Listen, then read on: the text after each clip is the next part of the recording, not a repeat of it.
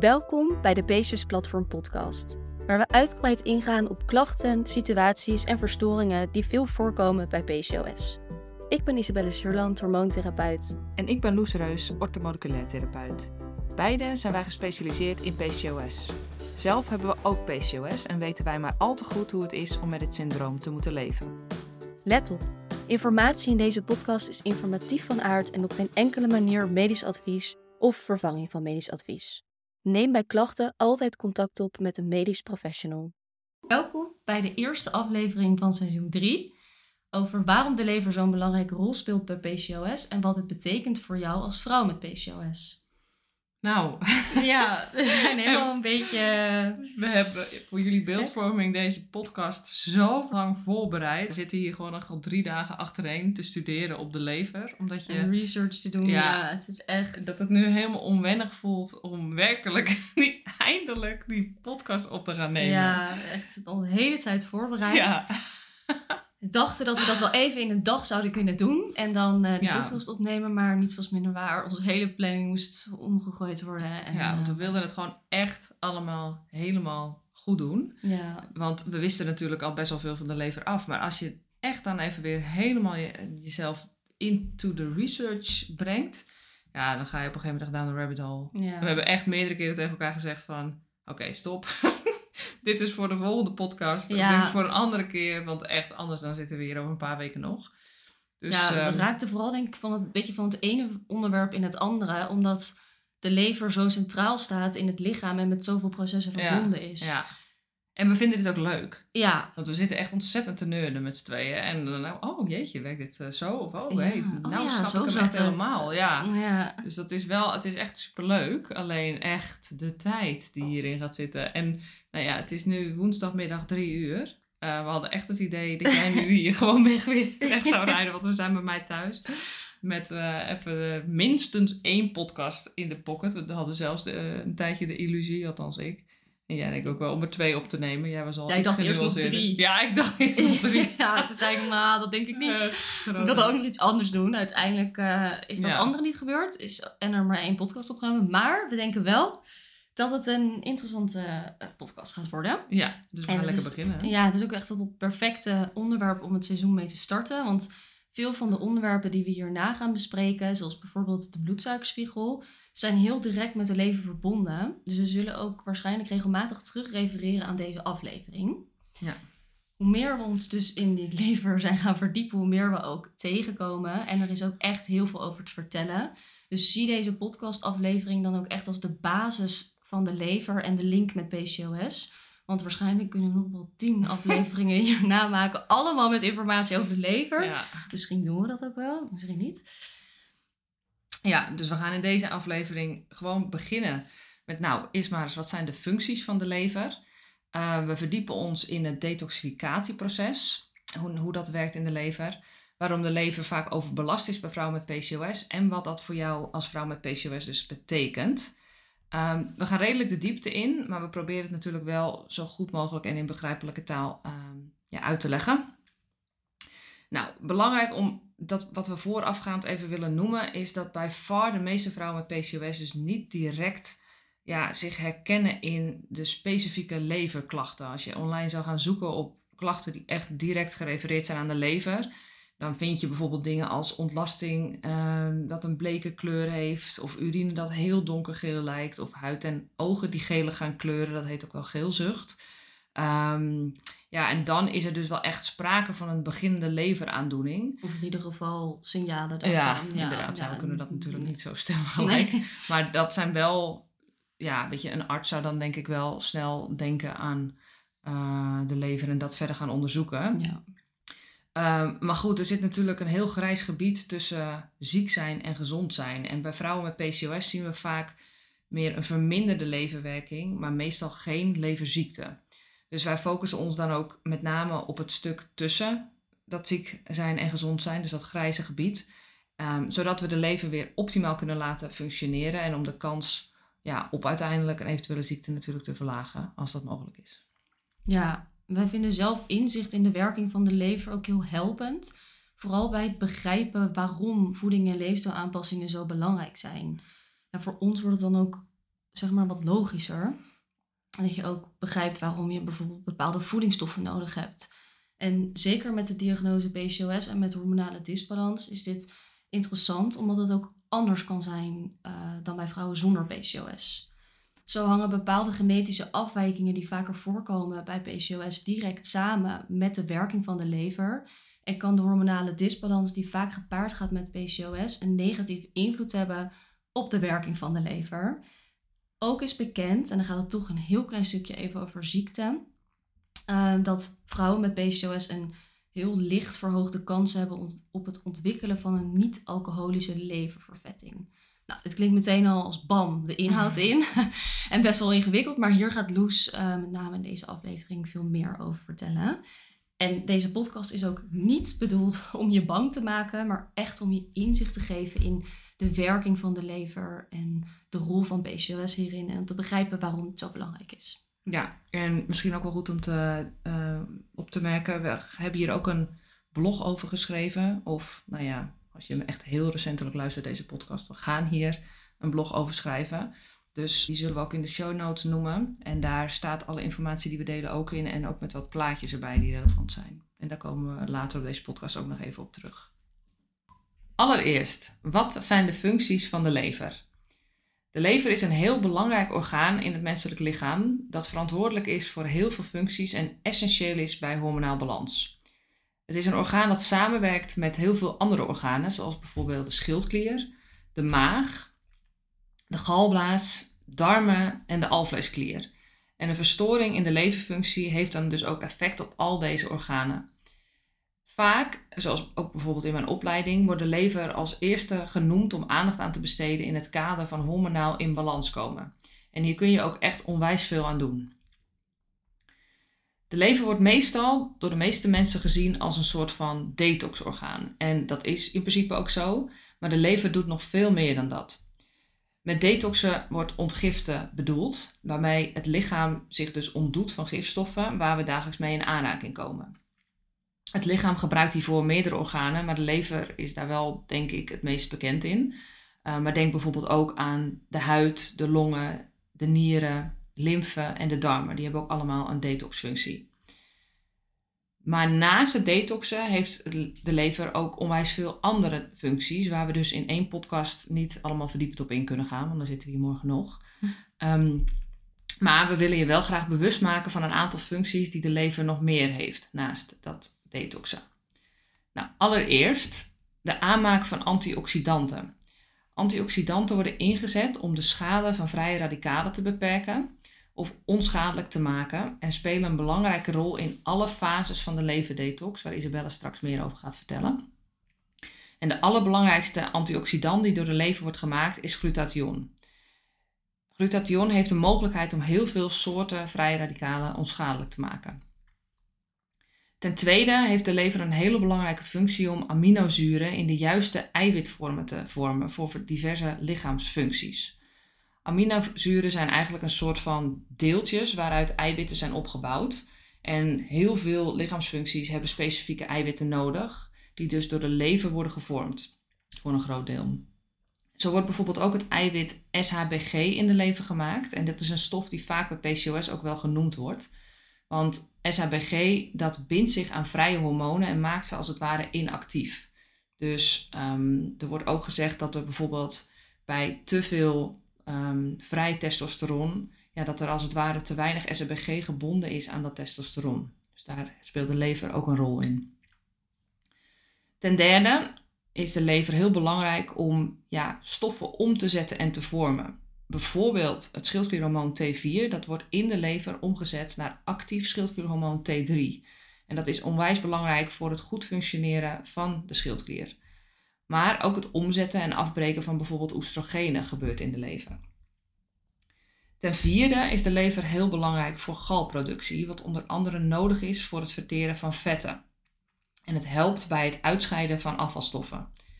Gal wordt aangemaakt in de lever en opgeslagen in de galblaas. Dus wanneer vet eten verteerd moet worden, dan trekt als het ware de galblaas samen en galvloeistof wordt dan via de galwegen aan de dunne darm afgegeven. In de dunne darm zal het galvloeistof helpen bij het verteren van die vetten.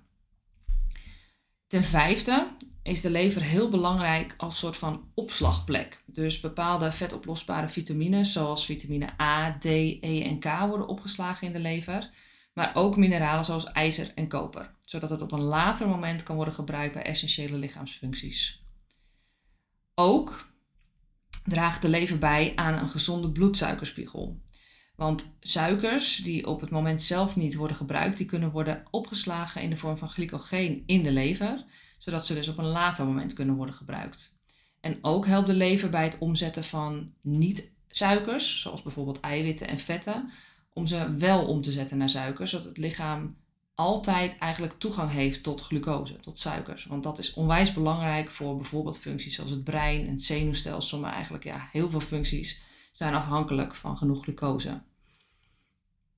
Nou, tot slot um, beschikt de lever over een aantal celvormen die heel belangrijk zijn voor het immuunsysteem, zoals bijvoorbeeld kupfercellen en pitcellen.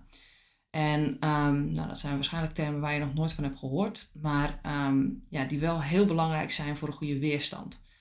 Dus ja, in de breedte heeft de lever gewoon echt een soort van speelfunctie tussen een sterk immuunsysteem, een goede stofwisseling, goede spijsvertering en hormonaal balans. Nu je weet dat de lever veel verschillende functies heeft, snap je wellicht ook beter hoe belangrijk de lever is in ons lichaam en dat het dus ook veel meer is dan het detoxificatieproces. Nou, voor nu gaan we wel even alleen dat detoxificatieproces van de lever verder induiken. De andere functies zullen we later of bij andere afleveringen bespreken. Het detoxificatieproces op zichzelf staand speelt namelijk ook een hele grote rol bij de hormoonbalans, aangezien het ook een rol speelt in het afbreken van overtollige hormonen. Nou, gifstoffen zoals medicijnen, pesticiden, zware metalen, alcohol en overtollige hormonen en neurotransmitters moeten worden afgebroken en afgevoerd. Anders blijven ze in het bloed circuleren of worden ze opgeslagen in meestal vetweefsel. Het detoxificatieproces vindt in drie fases plaats, met een tussenfase tussen fase 1 en fase 2. In fase 1 worden de vetoplosbare stoffen, dus die uh, toxines die ik net noemde of uh, stoffen die afbraakproducten zijn, worden deels omgezet in wateroplosbare stoffen door middel van bepaalde enzymen. Een deel van die stoffen is dan onschadelijk en een deel is dan voorbereid om door te gaan naar fase 2 van dit detoxproces. Tussen fase 1 en 2 zit nog een tussenfase, zoals ik net zei. En dat is eigenlijk bedoeld omdat in fase 1 vrije radicalen vrijkomen. En die moeten worden vrij of onschadelijk gemaakt en dat gebeurt in die tussenfase. Vrije radicalen zijn namelijk onstabiele moleculen die bij processen in het lichaam, zoals dus fase 1, vrijkomen. Nou, wellicht heb je wel eens gehoord van antioxidanten. Um, nou, die helpen dus om die vrije radicalen onschadelijk te maken. Na fase 1 is het dus heel belangrijk dat de tussenfase, die ik dus net omschreef, en fase 2, die ik zo verder ga toelichten, goed plaatsvinden. Want anders kunnen die afbraakproducten na fase 1 juist veel schade aanrichten in het lichaam. En dat noemen we ook wel oxidatieve stress die dan plaatsvindt. In fase 2 worden de in fase 1 omgezette stoffen verder wateroplosbaar gemaakt door middel van een aantal processen. Zoals bijvoorbeeld de methylatie, de glutathionconjugatie en de sulfatie. Er zijn er dus nog meer, dit zijn een aantal. Allemaal breken ze bepaalde stoffen af. Dus bepaalde stoffen worden door de methylatie afgebroken en bepaalde door de sulfatie. Zo is in de methylering uh, is nodig voor het onschadelijk maken van het medicijn morfine en het afvoeren en afbreken van de natuurlijke stof histamine. De sulfatie is nodig voor het onschadelijk maken van paracetamol, zware metalen en alcohol en voor het afvoeren van de hormonen cortisol, schildklierhormoon, oestrogeen en testosteron. Fase 1 en 2 vinden plaats in de lever. Vervolgens moeten die afgebroken afvalstoffen dus ook je lichaam uit. En dat gebeurt in fase 3 van het detoxificatieproces van het lichaam via de urine en de ontlasting. Per fase zijn er specifieke voedingsstoffen nodig om die fase goed plaats te kunnen laten vinden. Fase 1 heeft bijvoorbeeld onder andere uh, bepaalde mineralen nodig, glutathion, eiwitten en verschillende B-vitamines zoals bijvoorbeeld B2, B3, B6, B11. Dat is uh, foliumzuur en B12. Ehm, de tussenfase, die dus ook wel de antioxidantenfase genoemd wordt, heeft met name antioxidanten nodig, zoals glutathion, uh, vitamines A, C en E, uh, selenium, koper, zink, methaan en mangaan. Ook mariadistel en thiole, dat zijn knoflook, uien, radijs, paksoi en Chinese kool, kunnen helpen in deze um, tussenfase. Fase 2 heeft per proces verschillende voedingsstoffen nodig. Dus wat ik net zei, hè, die methylering, die sulfatie. Nou, de methylering heeft bijvoorbeeld uh, vitamine B12, folaat, magnesium, zink en methionine nodig. Methionine, sorry, ik moet het goed zeggen. Um, en de sulfatie heeft glutathion nodig, uh, molybdeen, B-vitamines, koper, magnesium, zink en zwavelhoudende aminozuren. Nou, dit is best wel heel veel informatie. Um, er zijn een aantal afbeeldingen die heel fijn zijn om dit inzichtelijk te maken. Wat Loes al aan het begin zei, we gaan een uh, blog schrijven over deze podcastaflevering. Ik hoop dat die al online staat als we de aflevering um, lanceren. Nou, die zullen we natuurlijk even linken in de show notes. En daar kun je dat overzicht ook vinden, die afbeelding. En kun je dit natuurlijk allemaal even teruglezen. En aan het einde van deze aflevering gaan we ook in op wat het allemaal betekent voor jou als vrouw met PCOS. En waar je dus ook op wilt letten in deze systemen. Al die processen en functies, zoals we hebben besproken, horen natuurlijk goed plaats te vinden. Bij PCOS gaat dat niet altijd goed. En er zijn diverse verbanden tussen het functioneren van de lever en het hebben van PCOS. Aan de ene kant is er bij een vrouw met PCOS vaak sprake van verstoringen die een negatief effect kunnen hebben op de lever. Aan de andere kant is een verminderde leverfunctie weer van invloed op het ontstaan of verergeren van PCOS en PCOS-klachten. Dus het kan elkaar ja, als een soort van visueuze cirkel en in ieder geval op twee manieren negatief beïnvloeden. Nou, we gaan als eerst even in op het effect van PCOS op de lever. Nou, zoals we in onze gratis masterclass ook uitleggen, is er bij PCOS vaak sprake van bepaalde verstoringen. En wil je nou meer weten over die gratis masterclass, dan uh, kun je een linkje vinden in de show notes en je even aanmelden. Daarin gaan we in op wat PCOS is en ook um, wat je eraan kunt doen. Um, een van die verstoringen die heel vaak voorkomt is insulineresistentie. En hierbij worden je cellen ongevoeliger voor insuline, wat voor bloedsuikerinstabiliteit en voor verhoogde insulinespiegels in je bloed kan zorgen. En hier gaan we in een volgende podcastaflevering ook veel dieper op in. En wat we even willen uitlichten is dat er bij PCOS echt een kleine verhoogde kans is op het krijgen van non-alcoholic fatty liver disease. En dat is in het Nederlands niet-alcoholische vervette lever. Um, nou, dat is echt een minuscuul kansje eigenlijk. Want we hebben het in de praktijk, ja, ik denk één keer gezien. Ik denk het, ja, één een paar keer gehoord. één of twee keer, denk ik. Ja, één keer een, een vrouw uh, die echt in onze begeleiding zat. Ja, en, en, en, ja. ja, en één keer gewoon, en soms krijgen we bericht op Instagram. Ja, en we willen je vooral even bewust maken van wat dat is en wat het uh, kan betekenen. Maar uh, schrik er niet gelijk van weg, want het komt dus eigenlijk in de praktijk bijna niet voor. Maar non-alcoholic fatty liver disease, dat is um, gelinkt aan het metabol syndroom. Wat een verzamelnaam is van syndromen en verstoringen met betrekking tot het functioneren van het metabolisme. En daar heb je ons misschien vaker over gehoord. Uh, want PCOS valt ook onder het metabolsyndroom, omdat bij PCOS ook een verstoring in het metabolisme aan de orde is.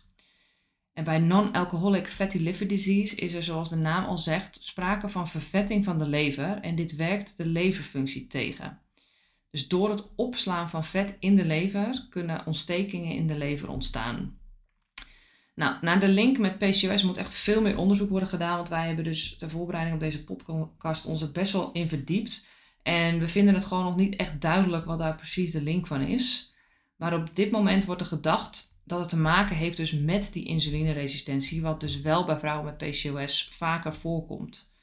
En um, op dit moment wordt het wel het vaakste gezien als er sprake is van PCOS en insulineresistentie met overgewicht. Maar dat is nog geen gegeven dat dit dus altijd met elkaar zou moeten verschijnen. En um, dat, in, dat non-alcoholic fatty liver disease dus niet zou kunnen ontstaan als er geen sprake is van overgewicht. Dus ja, weet je, vroeger werd er bijvoorbeeld ook gesteld dat er bij PCOS dat dat eigenlijk alleen maar kon voorkomen bij overgewicht, uh, überhaupt. En daar zijn ze ook heel erg van teruggekomen. Dus ja, dat hadden wij. ja. Ik heb ook te horen gekregen, ja, ja, ik kreeg net de diagnose PCOS en daarna werd ook gezegd, ja, dan kan je geen klachten hebben, want het kan alleen bij overgewicht. En we krijgen ook vaak genoeg terug van vrouwen die zeggen, ja, vroeger kreeg ik geen doorverwijzing omdat ik geen overgewicht had. Ja, ja. Dus ja, daar is ook nu een heel andere uh, visie op, gelukkig. Uh, maar wij zijn in het kader van die non-alcoholic fatty liver, liver disease, lekkere naam, een mond vol, um, wel benieuwd wat verder onderzoek gaat laten zien. Met hierin dus voornamelijk de vraag van um, of insulineresistentie op zichzelf staand tot non-alcoholic fatty liver disease kan leiden. Of dat hier dus ook andere factoren een rol spelen. Ja, en dan dus met name die verhoogde kans op. Dus of je alleen een verhoogde kans op non-alcoholic fatty liver disease mm. Eh, zou kunnen hebben als je insulineresistentie hebt en overgewicht. Of dus ook alleen met insulineresistentie. Ja, dus nogmaals, we willen je niet bang maken, maar wel bewust. Ehm, dus als er bij jou sprake is van diabetes of overgewicht, of als je überhaupt twijfelt over je situatie, dan kan het wel fijn zijn om het verder te laten onderzoeken. Ehm, en daarvoor zijn er een aantal waarden die ja, aanwijzingen kunnen geven die je kunt meten bij de huisarts. Uh, en dan hebben we het over ALAT en ASAT, want die stijgen vaak bij non-alcoholic fatty liver disease. Zeker ALAT, als die hoger is dan 80 u per liter, dan is er een duidelijke aanwijzing voor niet-alcoholische vetlever, dus non-alcoholic fatty liver disease. Um, en als daar dus echt, ja, als dat echt aan de orde is, dan wordt wel de kans op diabetes en insulineresistentie en overgewicht groter. En de leverfunctie wordt verslechterd, wat vervolgens ja, kan zorgen voor toename van PCOS-klachten en heftigere uiting van PCOS. Dus ja, ehm, als daar bij jou sprake van is, dan weet je in ieder geval dat het je gezondheid bij PCOS kan ondermijnen. Um, maar we zien dus in de praktijk dat het eigenlijk uh, er helemaal geen sprake van hoeft te zijn. Maar dat er wel bij PCOS diverse verstoringen zijn die de lever ook kunnen ondermijnen in haar functie.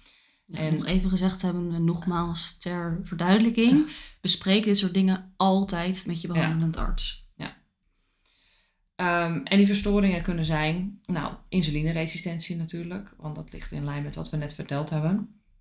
Um, maar door insulineresistentie kunnen de levercellen minder goed gaan reageren op insuline, wat veel problemen kan geven, waaronder bijvoorbeeld een onnodig hoge bloedsuikerspiegel. Maar ook een verhoogde stressbelasting kan de lever ondermijnen, omdat ook stresshormonen moeten worden afgebroken in de lever en stress veel energie en nutriënten rooft die de lever nodig heeft. Nou, verder kan uh, nutriëntenkorten in jouw voedingspatroon bijvoorbeeld zorgen voor een verminderde functie van de lever omdat de lever heel veel nutriënten nodig heeft om goed te functioneren. En dat er bij een tekort dus ja, uh, minder uh, functies goed kunnen werken. En een verminderde darmwerking kan de leverfunctie ook ondermijnen, omdat dat enerzijds kan leiden tot een vermindering van de opname van nutriënten, maar dat het ook kan leiden voor een verminderde afvoer van afvalstoffen, waardoor de lever extra wordt belast. Nou, daarnaast is ook bekend dat oestrogeendominantie of een vertraagde schildklierwerking ook van invloed kan zijn op de leverfunctie. Andersom heeft de leverfunctie ook weer effect op PCOS. Want ja, dit vind ik dus zelf echt een heel interessant stukje. Want er zijn dus factoren die ervoor kunnen zorgen dat de lever verminderd werkt, gewoon überhaupt. En hierdoor PCOS kan verergeren of in stand kan worden gehouden. Dus we hebben het al gehad over de functies van de lever en de detoxfunctie van de lever. Um, maar als de lever in haar functie wordt belast, gaat het zo goed mogelijk prioriteren om het lichaam toch nog zo goed mogelijk te kunnen dienen. En overbelasting kan bijvoorbeeld ontstaan als er bijvoorbeeld te weinig voedingsstoffen aanwezig zijn of als er een teveel van gevraagd wordt door overmatige gifstoffenbelasting bijvoorbeeld. En met prioriteren bedoelen we hier dat de lever bijvoorbeeld eerst gifstoffen gaat afbreken en hierna pas overtollige hormonen gaat afbreken. Omdat het belangrijker is voor het lichaam om van die gifstoffen af te komen. En overbelasting van de lever, dat kan bij iedereen voorkomen. Echter is er bij vrouwen met PCOS vaak nog wat aan de hand. Bij vrouwen met PCOS is er vaak sprake van genetische afwijkingen die invloed kunnen hebben op de werking en capaciteit van de lever, waardoor het sneller overbelast kan raken. En hier spreken wij in onze masterclass ook over. Um, dan hebben we het over de ja, kleinere stress-emmer die je als vrouw met PCOS gewoon per definitie hebt. Hierdoor kan het, zoals gezegd, ja, kan de lever sneller gaan prioriteren.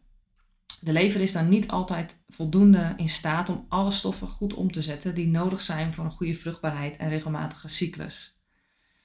Nou, deze genetische afwijkingen die zijn deels te meten met DNA-onderzoek, wat we binnen PCOS Platform ook regelmatig inzetten en wat we zelf bijvoorbeeld ook allebei hebben gedaan. En de afwijkingen kunnen ervoor zorgen dat specifieke enzymen, leverenzymen, die nodig zijn voor een sterke leverfunctie, minder goed of juist versneld werken. We weten bijvoorbeeld dat oestrogenen in verschillende vormen voorkomen en dat die met die enzymen worden afgebroken. En dat juist ja, die enzymatische werking dus wisselt per persoon, afhankelijk van je genen. En dat we daardoor bij PCOS dus zien dat die oestrogenen onvoldoende of in verkeerde verhoudingen worden afgebroken. En dat kan dus bijvoorbeeld klachten geven in het kader van oestrogeendominantie. Dus de activiteit en capaciteit van deze enzymen kan dus door genetische aanleg beïnvloed worden en per persoon verschillen. En daarnaast wordt ook de effectiviteit van deze enzymen beïnvloed door omgevingsfactoren, zoals bijvoorbeeld voeding. En kan dit ervoor zorgen dat ze beter of minder goed gaan werken. Het wordt ook wel epigenetica genoemd met een mooi woord. Dat je het dus beïnvloedt door middel van omstandigheden. Nou, bij PCOS zien we vaak bijvoorbeeld afwijkingen in een enzym dat heet MTHFR of bijvoorbeeld het COMT-enzym. Zelf hebben we die afwijking ook beide en werkt dat enzym dus minder sterk. En dat betekent dat bepaalde omzettingen dus van nature meer moeite hebben om plaats te vinden. Dus als jij weet welke genen jij hebt, dan kun je ervoor zorgen dat deze omzettingsmechanismes meer ontlast worden. Zoals bijvoorbeeld komt, nou ja, is nodig voor de afbraak van cortisol. Dus dan zou je bijvoorbeeld, als je dat weet, echt heel bewust kunnen inzetten op het reduceren van stress. Cortisol is een stresshormoon. Um, en anderzijds kan je er ook voor zorgen dat ze meer gevoed worden. Zoals bijvoorbeeld MTHFR, dat heeft B2 nodig ter ondersteuning van zijn werking. Dus door genoeg B2 te garanderen in je voedingspatroon versterk je het MTHFR-enzym. Daarnaast kun je ook nog op een andere manier hiernaar kijken. En dat is bijvoorbeeld door te kijken wat de functie is van het enzym. Want MTHFR is bijvoorbeeld nodig om actief folaat te vormen. En als je weet dat MTHFR minder sterk werkt, dan kun je ook voeding opzoeken waar actief folaat in zit. Zodat je hier toch genoeg van hebt om je lichaam gezond te houden. En dit is ook precies de reden waarom wij met onze adviezen focussen op die biologisch beschikbare voeding, waar bijvoorbeeld de goed opneembare vormen van folaat en B2 in zitten, zodat je dit soort processen goed kan ondersteunen. Nou, eerder had ik het uh, in een van de functies van de lever ook over het eiwit SABG, wat nodig is om vrije geslachtshormonen zoals testosteron inactief mee te maken. En ook um, is er een link tussen bepaalde genetische afwijkingen en het goed kunnen vormen van voldoende SABG. Al heeft dat ook weer een link met uh, te hoge insulinewaardes. Dus dat heeft niet alleen maar met genen te maken. Dus, wat betekent dit voor jou als vrouw met PCOS? Loes is net ingegaan op de functies van de lever en daar hoorde je eigenlijk al hoe belangrijk de lever is. De lever speelt namelijk een centrale functie in de spijsvertering, de bloedsuikerspiegel, de afbraak van gifstoffen en het omzetten van hormonen zoals voortplantingshormonen, maar dus ook schildklierhormonen. Als de lever niet optimaal functioneert, kan dat dus ook gevolgen hebben voor al die systemen en processen in het lichaam. Als er bijvoorbeeld niet voldoende inactief schildklierhormoon wordt omgezet naar actief schildklierhormoon, heeft dat grote gevolgen voor de energiehuishouding en dus voor je vruchtbaarheid en daarmee dus PCOS.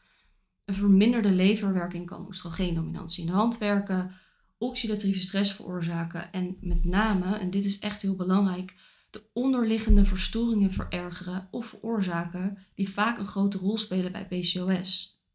Hierbij kun je denken aan dus laaggradige ontstekingen, insulineresistentie en bloedsuikerproblematiek, vertraagd metabolisme ofwel vertraagde schildklier en nog veel meer ellendige verstoringen.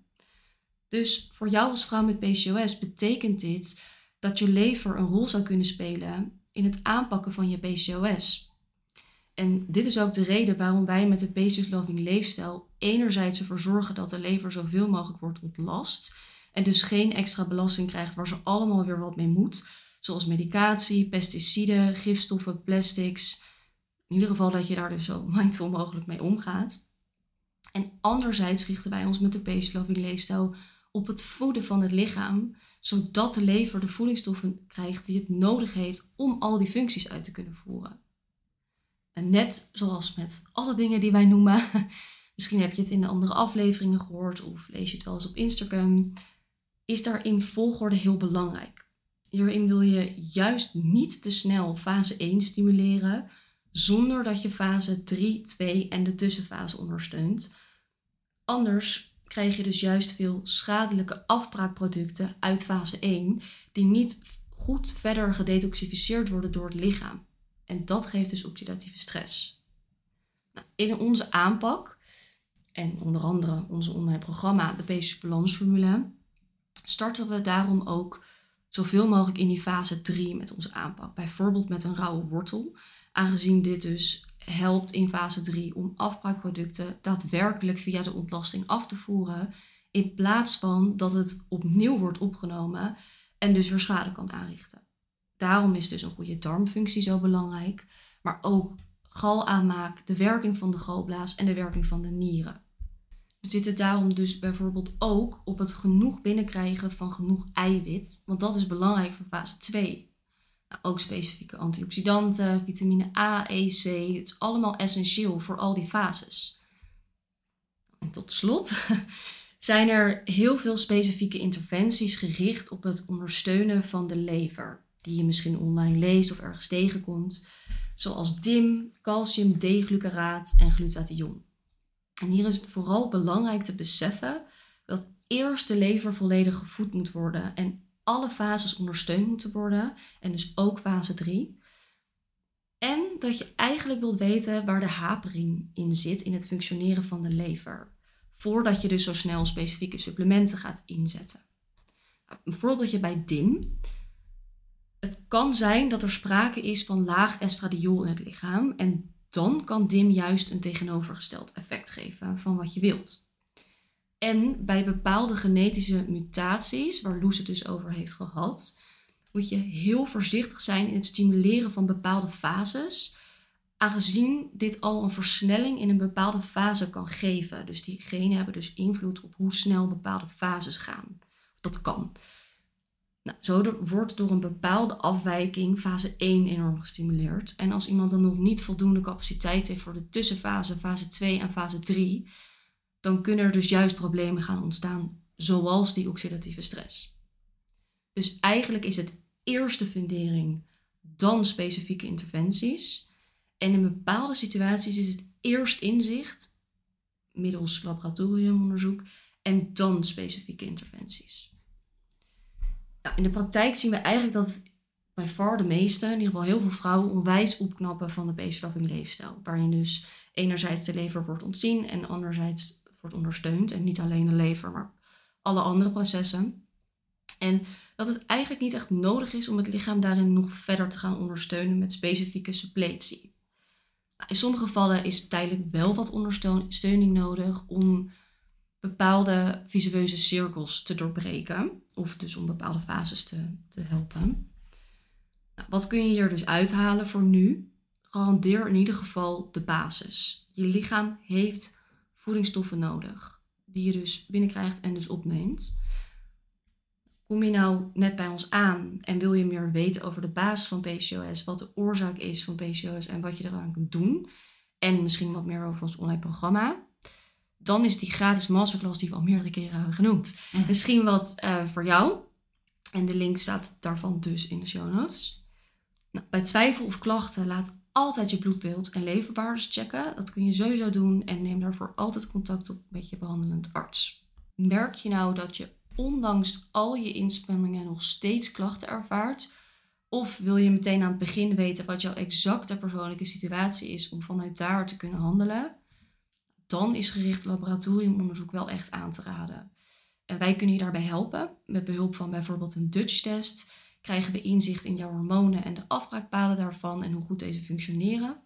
Dit zegt wat over de werking van je lever, maar het geeft ook inzicht in hoeveel hormonen je aanmaakt, zoals bijvoorbeeld progesteron, eh, en androgenen zoals testosteron. Maar ook in hoeveel stress je ervaart en hoe dat exact bij jou zit. Nou, daarnaast kunnen we genenonderzoek doen om vooral in te zien waar jouw gevoelige punten liggen, zodat we daar rekening mee kunnen houden. En we kunnen altijd nog allerlei andere soorten specifieke onderzoeken doen, bijvoorbeeld uh, orgaanfuncties testen zoals de lever en de schildklier, um, mocht dat nodig zijn. Nou, als je dat wil, als je wil dat wij echt met jou meekijken, één op één en dus laboratoriumonderzoek gaan doen, meld je dan even aan voor de wachtlijst voor één op één begeleiding via de link in de show notes. Wij denken dan dus altijd met je mee uh, en geven een advies welk laboratoriumonderzoek wij voor jou het beste vinden. En dat was hem. Ja. het was een hele bevalling, deze podcast. En het was super leuk om te doen. Ja, we zijn ook blij dat we aan het einde zijn aangekomen. En misschien jij ook wel. Want misschien is het ook wel een hele bevalling om deze podcast te luisteren. Ja, laat het ons vooral weten. Ja. En um, als je het nou een hele goede podcast vond, nou geef ons dan even een review. Dat kan uh, op zowel Spotify als iTunes. Ja, volgens mij wel. Ja, op allerlei ja, kanalen waar je een podcast kan luisteren. Ja, precies. Dan help je ons uh, verder om uh, de podcast ook weer onder andere vrouwen met PCOS te, bekend te maken. Ja, en dat kan gewoon door sterren te geven. En voor zover wij weten is dat anoniem. Ja, nou, dit was de eerste van een reeks. Dus uh, hartstikke leuk als je de rest ook gaat luisteren. En uh, tot de volgende. Tot de volgende.